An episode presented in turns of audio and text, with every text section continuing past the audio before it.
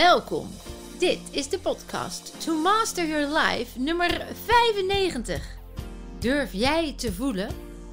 Tips op het gebied van body, mind en food. Mijn naam is Vilna van Betten en ik heb er super veel zin in. Hallo dames en mensen, alweer een nieuwe podcast en dit keer over voelen. Durf jij te voelen?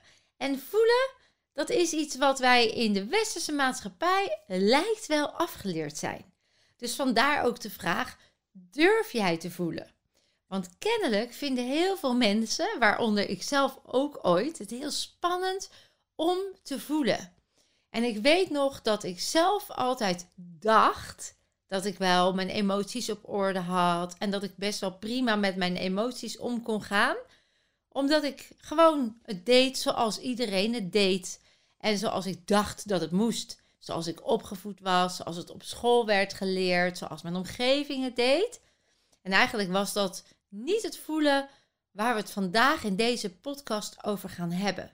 Ik wil het gaan hebben over het belang van voelen, wat voelen eigenlijk is en hoe je dus wel naar binnen kunt gaan en of je daar wel lef van nodig hebt of dat het vanzelf kan gaan. En ik weet nog dat ik zelf toen ik een jaar of, uh, nou ja, wat zou ik geweest zijn, 19, heel veel buikklachten kreeg. En eigenlijk van de ene dokter naar de ander ging. En van, de ene, van het ene onderzoek naar het andere onderzoek. En iedere keer werd me verteld dat ze het of niet konden vinden, of eigenlijk niet duidelijk was waar het vandaan kwam. En ik omschreef dan wel eens tegen de, aan de arts, zei ik wel eens van nou, het voelt alsof er iets niet goed doorloopt. Het voelt alsof er ergens iets verkrampt. Maar goed, daar konden ze niet zo heel veel mee. En verder dan dat kwam ik eigenlijk ook niet. Ik kon het fysiek beschrijven wat ik dan ervaarde en waar het zich dan manifesteerde in mijn lichaam, maar dat was het een beetje. En uiteindelijk, toen ik natuurlijk drie operaties verder was en uh, drie kinderen verder was, ja, toen het nog steeds niet wegging, de buikklacht, de pijn, toen was ik wel een beetje van, ja, wat nu verder? Hoe nu verder? En ik voelde me onmachtig en verdrietig en boos en hulpeloos. Maar eigenlijk liet ik dat allemaal niet zo zien. Aan mezelf niet en aan de buitenwereld niet.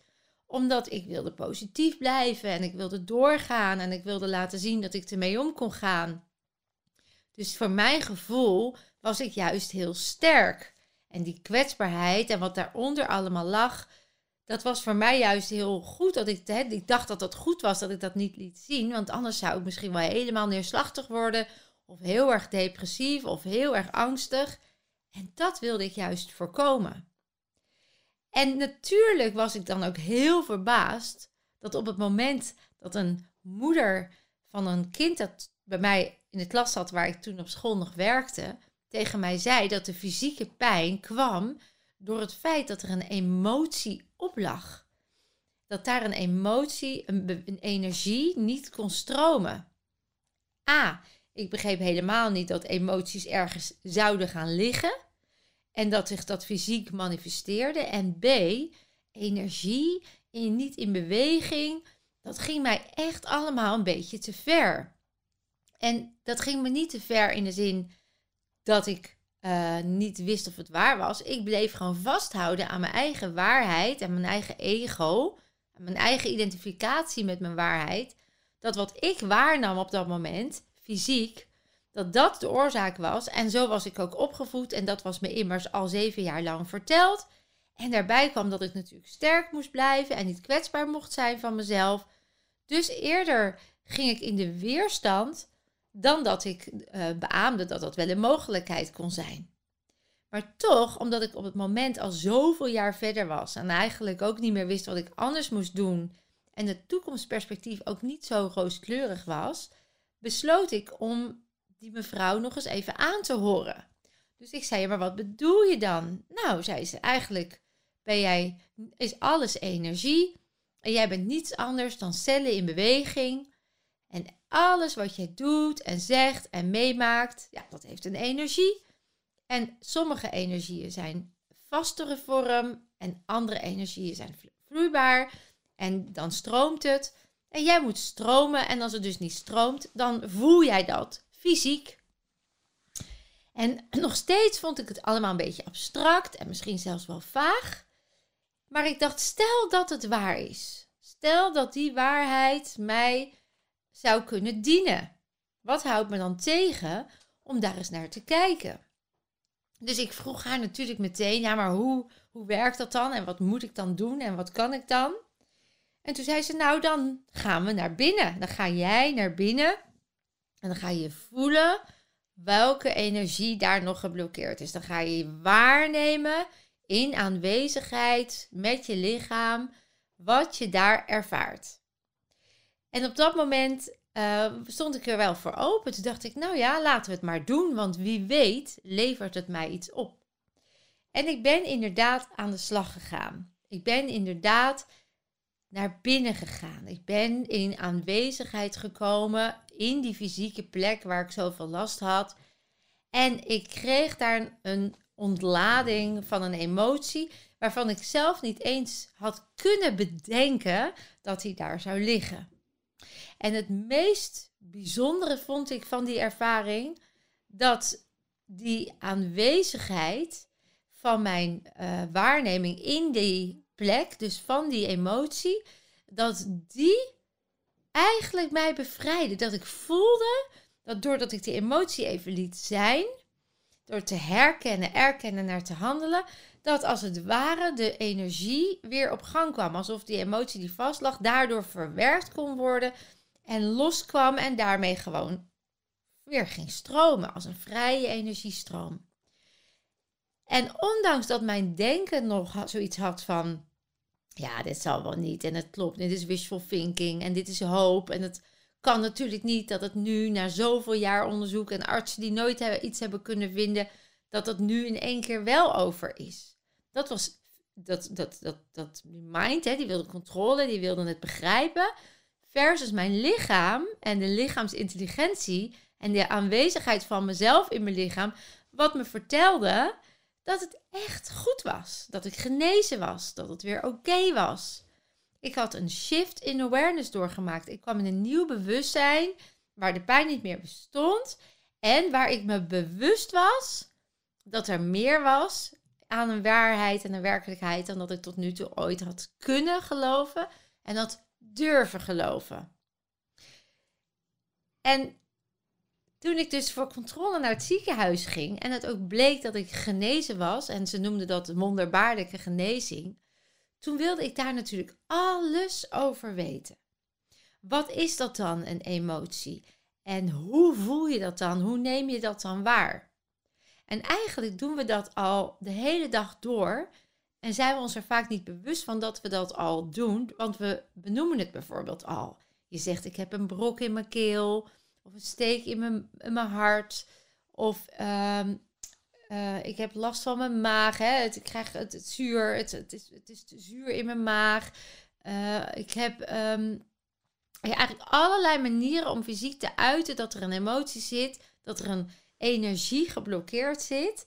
Dat doen we al in onze beschrijvingen. En uh, zo, toen ik daarachter kwam, toen had ik ook zoiets van...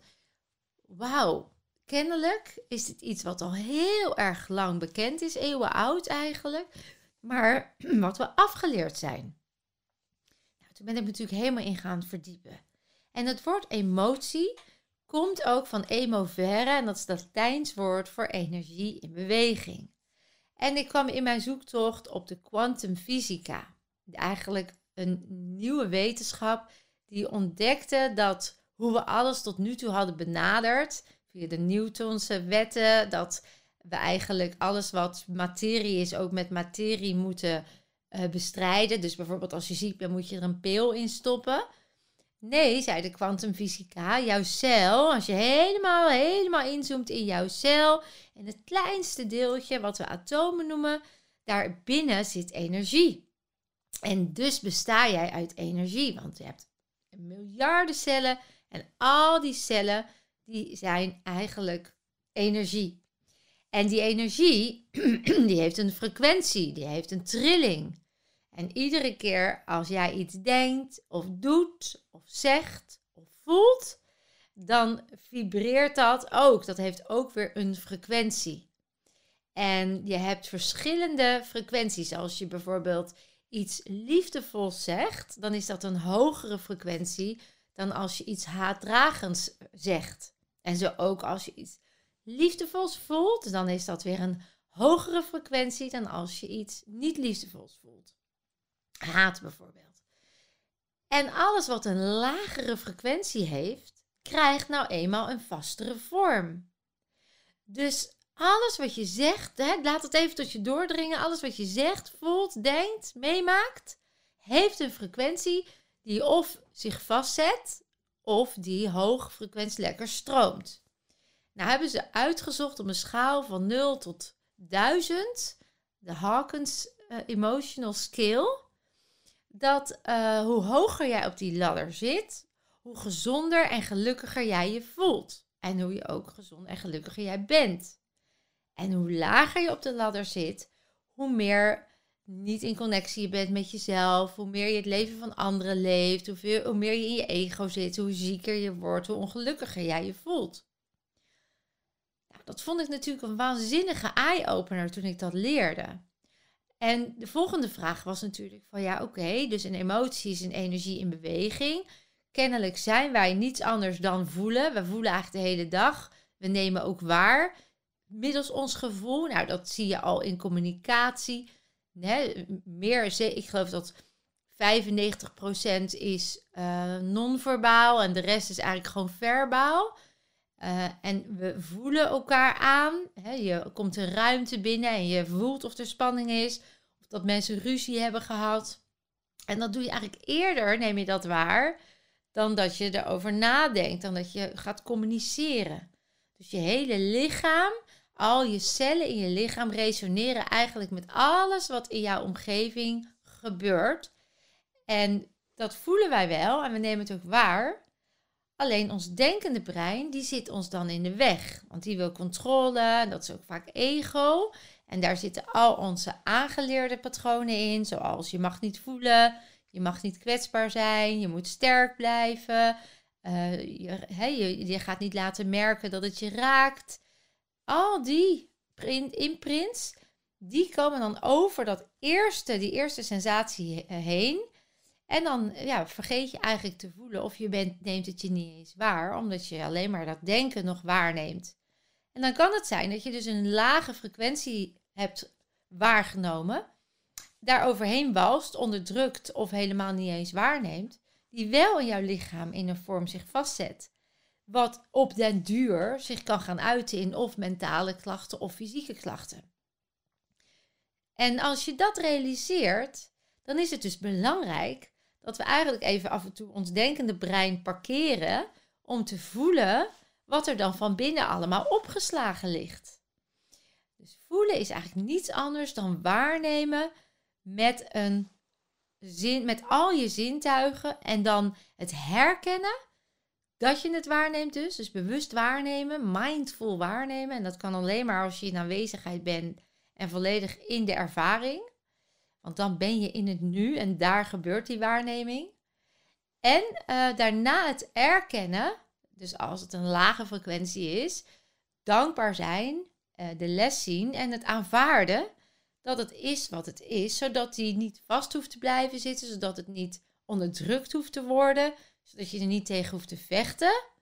Maar dat het gewoon even ook mag zijn in die aanwezigheid. Omdat het slechts een ervaring is die je weer los kunt laten. En als je dat kan, dan laat hij ook vanzelf los. Of je handelt ernaar waardoor die gaat loslaten. En dat proces, dat herkennen, erkennen en ernaar handelen, is eigenlijk het aller, allerbelangrijkste. En dat beschrijf ik ook in mijn boek heel, heel uitvoerig. Hoe je dat kunt bereiken en hoe je als het ware observant kunt blijven van je eigen waarneming, zodat je gedachten, die er dus zo vaak tussen komen, steeds meer uh, ja, op de achtergrond verdwijnen. En omdat je je bewuster wordt van de gedachten die je hebt. En dan kun je ook kiezen, oké, deze gedachte houdt het nu tegen. Of deze gedachte die laat het nu toe.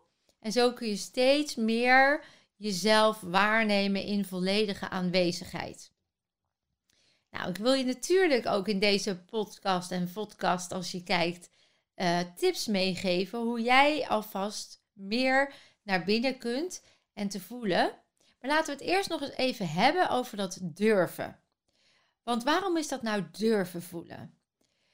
Vaak als je iets meemaakt, dus los van je gedachten en wat je zegt en wat je voelt en wat je doet, wat al in je lichaam als celgeheugen zich opslaat, maak je ook dingen mee. En soms zijn dat hele heftige ervaringen waar je liever niet meer aan terugdenkt, omdat je in dat moment nou eenmaal niet het kon verwerken. En later is het vaak te pijnlijk om eraan terug te denken of naartoe te gaan, waardoor je dat liever vermijdt. En hoe vaker je dat doet, hoe, eigenlijk hoe groter de muur eromheen wordt, hoe moeilijker je erbij komt. En dan kan het zo zijn dat die pijn er nog wel zit. En dat als je in het nu iets meemaakt wat zich weer relateert aan die pijn, je dan eigenlijk alleen maar jezelf meer gaat beschermen. Terwijl het juist nodig is om die eerst te verwerken, zodat je nu niet meer gaat hebben, die pijn. Stel je voor, je bent vroeger gekwetst of gepest. En je hebt dat heel erg weggestopt. Je bent namelijk afgewezen. Dat heb je willen onderdrukken. Dat heb je niet willen toelaten. Nou, vervolgens doe je maar net of dat niet meer bestaat. Dus je gaat heel erg bewijsdrang ontwikkelen. Of je gaat juist laten zien aan de wereld dat je fantastisch bent. Hè? Dus je gaat op allerlei manieren compenseren om die oude pijn niet te voelen.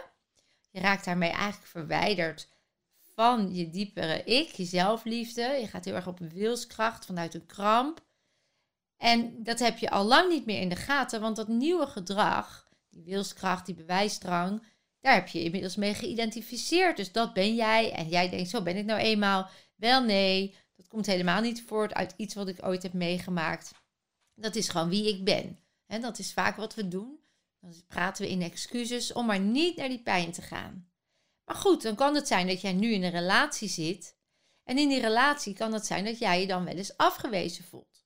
Niet eens omdat jouw partner je afwijst, maar omdat die partner iets zegt waardoor jij je toch weer getriggerd voelt op die oude pijn. Bijvoorbeeld dat hij zegt, nou joh, dat moet je helemaal niet willen.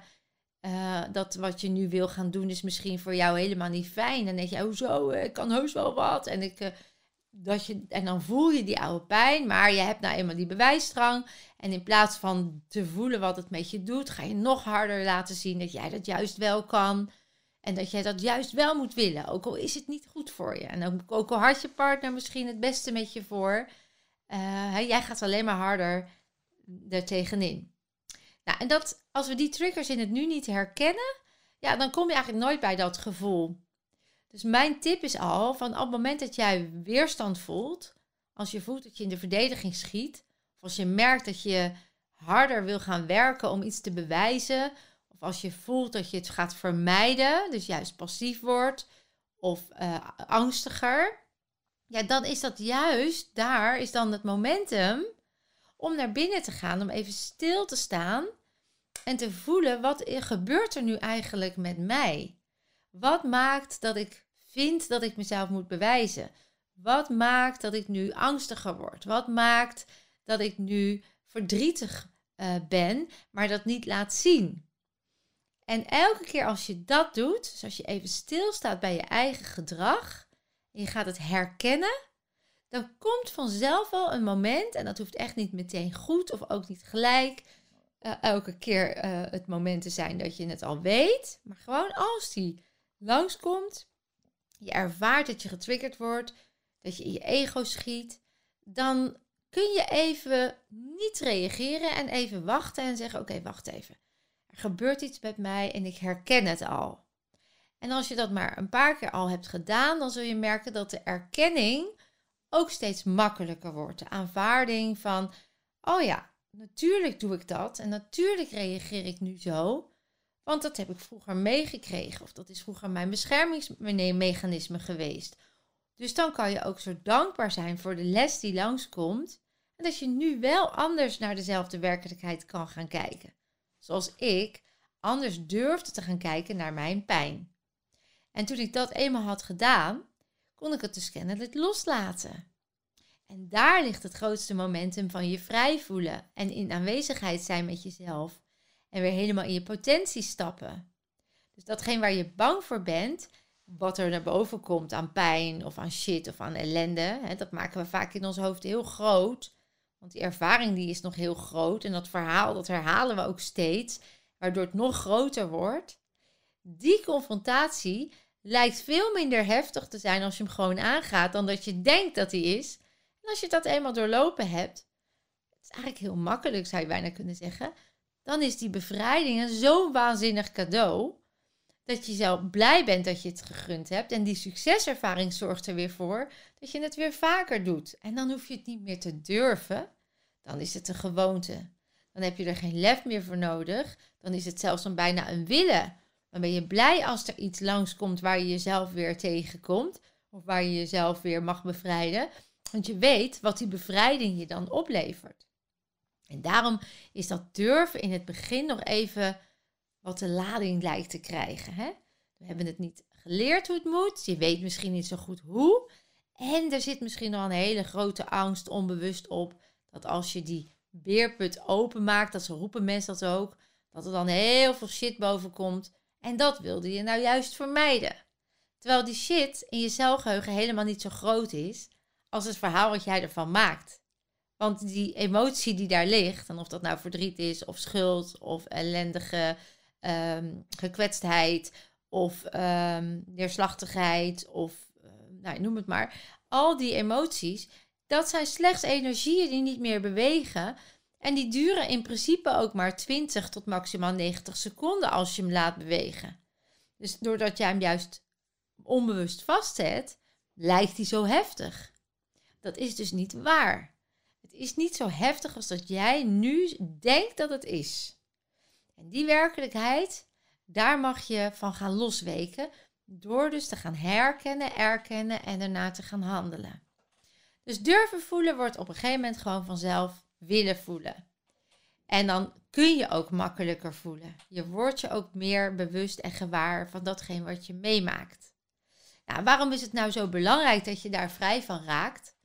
Omdat al die emoties die mogelijk onderdrukt, uh, de vastliggen, jou belemmeren. En die belemmering die zorgt ervoor dat jij niet in je potentie kan stappen, waarin je in aanwezigheid kunt voelen hoe jij goed voor jezelf zorgt.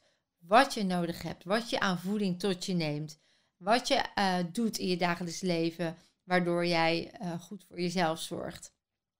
hoe jij communiceert met jezelf, dat heeft allemaal te maken met al die energieën die geblokkeerd liggen, die dat mogelijk nog tegenhouden om ook liefdevol voor jezelf te zijn, om ook goed voor jezelf te zorgen. Op het moment dat jij de hele dag suiker en zout en vet eet, dan doe je dat misschien wel om jezelf uh, te voorzien van het zoet is bijvoorbeeld met van liefde. Dat geeft troost. Terwijl als je even je afvraagt, wat maakt dat ik dit nodig heb? Waar in mijn leven heb ik geen troost ervaren?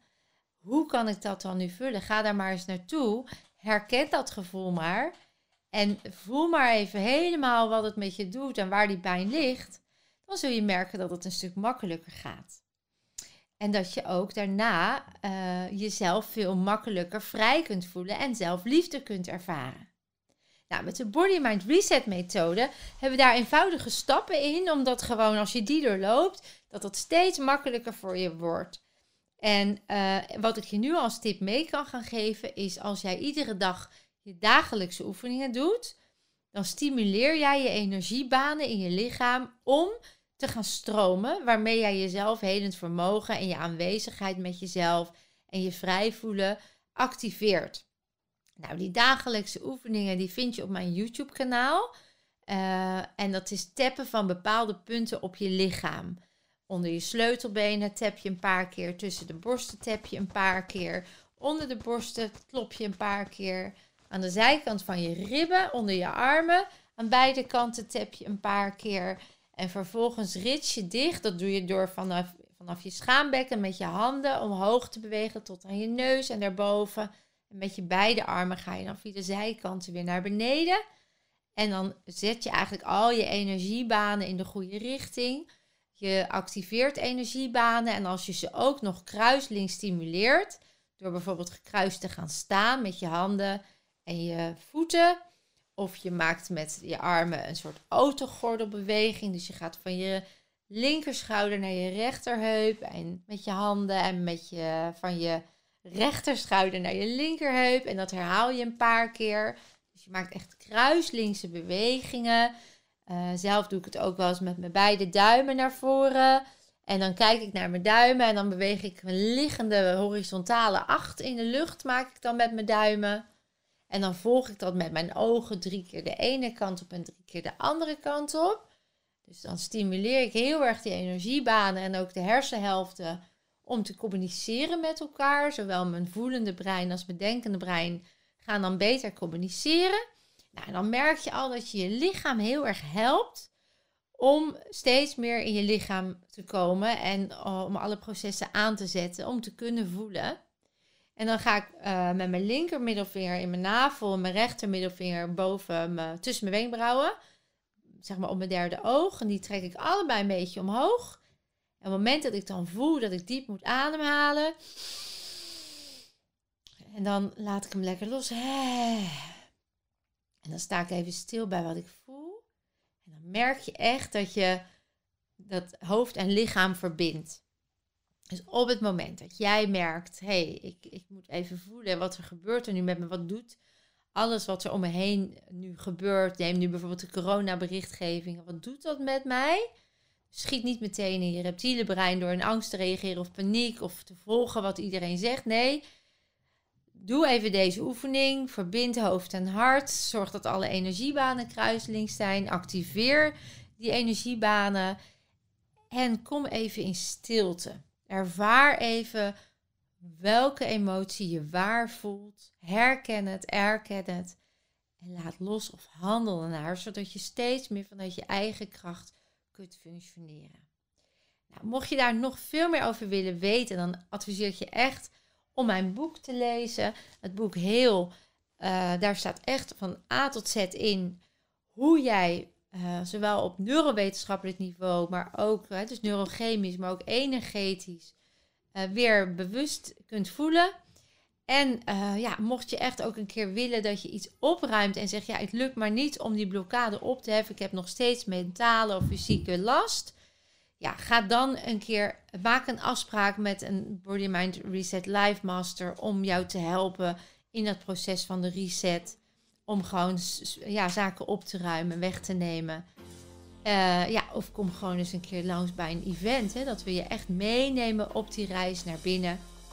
En, en vooral, dat vind ik belangrijk om mee te geven, om te ervaren dat het echt leuk is om te doen. En bevrijdend. En dat je jezelf dat mag gunnen. En dan ontdek jij dat je veel meer kan dan jij denkt.